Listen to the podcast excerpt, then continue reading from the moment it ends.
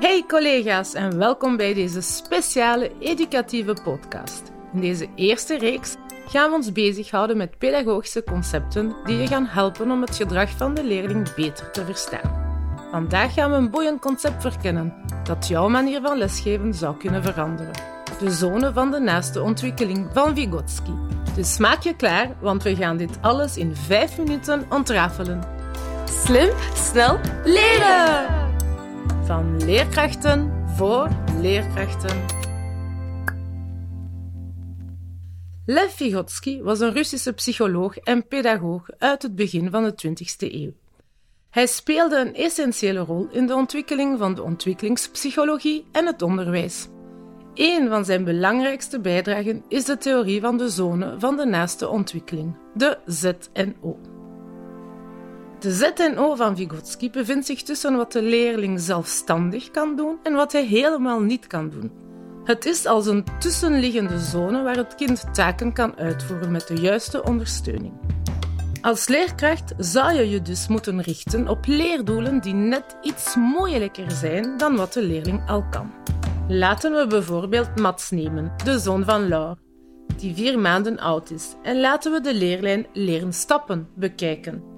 Als Laure haar vier maanden oude baby oefeningen aanbiedt om te leren stappen, zoals hem bij de hand houden en hem dwingen vooruit te gaan, hem dwingen om te staan en hem dwingen op te staan zodra hij valt, creëert Laure een rampzalige situatie. Ze loopt het risico hem pijn te doen. Het kind zal snel gefrustreerd en boos worden. Laure probeert hem iets te leren waar hij helemaal niet klaar voor is. Hier bevinden we ons voor de ZNO. Het kind heeft niet de fysieke rijpheid die nodig is voor dit soort leren. Wat gebeurt er als Laure dezelfde oefeningen aan Mats aanbiedt als het ventje twee jaar oud is en al kan stappen? Het dwingen van Mats om vooruit te gaan door hem bijvoorbeeld aan beide handen vast te houden, zou ook resulteren in een nutteloze situatie die verveling, frustratie en boosheid bij het kind veroorzaakt. Hier bevinden we ons ver over de ZNO. Om ervoor te zorgen dat het leren van stappen een effectief, doeltreffend en zinvol proces is voor het kind, moet je wachten tot het kind zich in de ZNO bevindt. Voor elk kind bevindt de ZNO zich op een andere leeftijd, dus het is aan de leraar om te bepalen wanneer het kind er klaar voor is. In het geval van Laure moet ze wachten tot Mats zelf probeert op te staan, bijvoorbeeld. Natuurlijk zal Mats zelf kunnen leren stappen door anderen te observeren, zijn omgeving. Maar Vygotsky heeft opgemerkt dat kinderen vaak beter en sneller leren wanneer ze worden begeleid door competente mensen zoals leraren of meer ervaren leeftijdsgenoten. Hier is nog een voorbeeld. Stel je voor dat je een puzzel probeert op te lossen. Als je een te makkelijke puzzel kiest, verveel je je. Maar als je een te moeilijke puzzel kiest, kun je ontmoedigd raken. Je bevindt je in de zone van de naastontwikkeling als je een puzzel kiest die een beetje moeilijk is, maar niet te veel. Dat is waar de hulp van de anderen in het spel komt. Als een vriend of iemand van je familie je een beetje helpt, wordt het plotseling mogelijk om de puzzel te maken. Stel je voor, je staat in de klas en een leerling leert wiskundige problemen op te lossen. Als het probleem te gemakkelijk is, verveelt de leerling zich. Als het te moeilijk is, voelt hij zich gefrustreerd.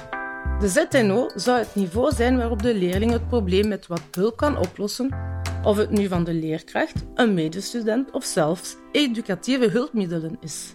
Als leerkrachten kunnen we activiteiten kiezen die onze leerlingen aanzetten tot leren binnen hun ZNO. Dit helpt hen om met plezier te leren, ondersteund door hun medestudenten, leraren en met educatieve hulpmiddelen. En om zelfstandig te worden in hun leren. Kortom, is de nabije ontwikkelingszone een pad tussen te makkelijk en te moeilijk. En zoals je hebt begrepen, als je als leraar buiten de ZNO met je leerlingen werkt, leidt dit tot verveling of frustratie. Wat leidt tot gedragsproblemen? Stel jezelf de volgende keer de vraag: als een leerling praat of de les stoort, zou het kunnen dat de leerling zich niet in zijn ZNO bevindt? Bedankt dat je me hebt vergezeld voor deze educatieve duik. Vandaag heb je ontdekt wat de ZNO is en de mogelijke link tussen gedragsproblemen en het leren buiten de ZNO. In de volgende aflevering neem ik je mee om een blik te nemen in de theorieën van B.F. Skinner over de positieve bekrachtiging. Blijf nieuwe educatieve uitdagingen verkennen en leid je leerlingen naar succesverhalen. Tot ziens voor een nieuwe educatieve ontdekking.